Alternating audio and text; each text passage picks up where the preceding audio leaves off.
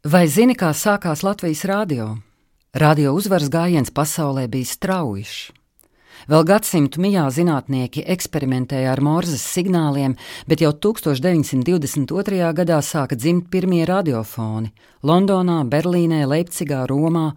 1925. gadā šīm metropolēm pievienojās arī Rīga. Vēl pirms radiofona atklāšanas pirmās eksperimentālās pārraides te kūrēja inženieris Jānis Linters, pasta un telegrāfa departamenta darbinieks, Latvijas radiofonijas pionieris. Lintera pirmie mēģinājumi aizraut Latviju ar radio nebija viegli. Ne tik daudz tehnoloģiski, cik finansiāli. 1924. gadā sēma viņa priekšlikumu piešķirt naudu radiofona izveidēji noraidīja. Radio? Kas tas tāds? Linters ķērās pie izglītošanas. Ar pašdarinātu uztvērēju ieradās budžeta komisijā un piedāvāja deputātiem ļauties radio maģijai. Telegrāfists no raidītāja Klīversalā, otrpus Daugavai, lasīja valdības vēstnesi. Deputāti uzmanīgi klausījās un vēl pārjautāja, vai labākai dzirdamībai nevajag atvērt logus. Linters pārliecināja, ka uztvērējus varēs ražot tepat Latvijā, ieguldījums ātri atmaksāšoties. Tad gan deputāti teju vienbalsīgi bija par. 1925. gada pavasarī uz Rīgu no Francijas atkuģoja raidstacijas antena. To uzstādīja kanālmalā blakus toreizējai centrālā pastēkai. Lintera darbnīcas ar joni ražoja pirmos radioaparātus un avīzēs sludināja tos iegādāties. Cena iespaidīga - 140 latu un vēl 24 lati gada abonements.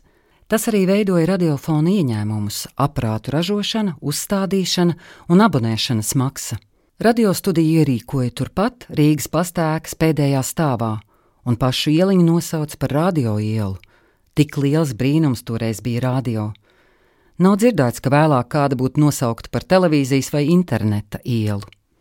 1925. gada 1. novembrī, Svētdienas vakarā pār Rīgu atskanēja pirmā radiofona pārraide. Halo, šeit Rīga, radiofons, svinīgi teica diktors. Tad deva vārdu satiksmes ministram, pēc viņa valsts himna Vēl pēc brīža pieslēgšanās Nacionālajai operai. Pilnā garumā translēja Puķīnī Madame Butterfly. Pēc izrādes pārraides beigas. Todien radiofonam bija 331 abonements, krietni mazāk nekā sēdvieta operas zālē.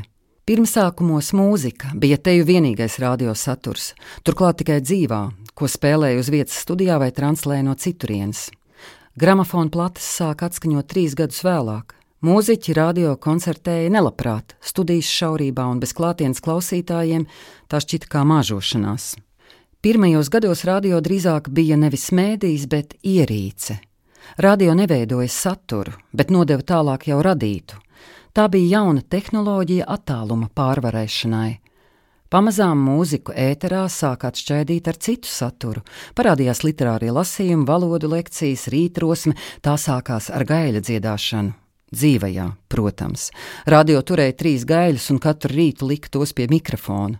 Avīzes bieži knābāja radio, jo arī tām jaunais mēdījis bija konkurence. Sākotnēji radioziņas drīkstēja būt tikai avīžu rakstu pārstāsti, tieši tāpēc, lai nekonkurētu ar avīzēm. Pirmās patstāvīgās ziņas radiofonam ļāva veidot sākot no 1929. gada. Togad pirmā ziņu reportāža bija no Zviedrijas karaļa vizītes Rīgā. Divu gadu laikā radioinformācijas dienests izauga līdz 14 korespondentiem, jeb kā toreiz teica, informatoriem. Savā izaugsmes posmā radio tapa par pilnvērtīgu mediju ar jaunradītu saturu, augošu auditoriju un cienījamām sabiedriskā mēdīja ētikas iezīmēm. Korespondentiem stājoties darbā bija jāapsola nevadīties no parteiskām un personīgām ambīcijām. Kaut tiešu politisku ietekmi radio neizjuta. Sociāldemokrāta valdības laikā kreisi noskaņoti vieslektori radio lekcijās mēdza iepīt sociālisma idejas. Taču, kad par radiofona šefu kļuva rakstnieks Jānis Akurāters no Mērenās, Demokrātiskā centra partijas, viņš šādu slēpto reklāmu izskauda, lieka polemika radiofonam kā neitrālai iestādēji nesot vajadzīga.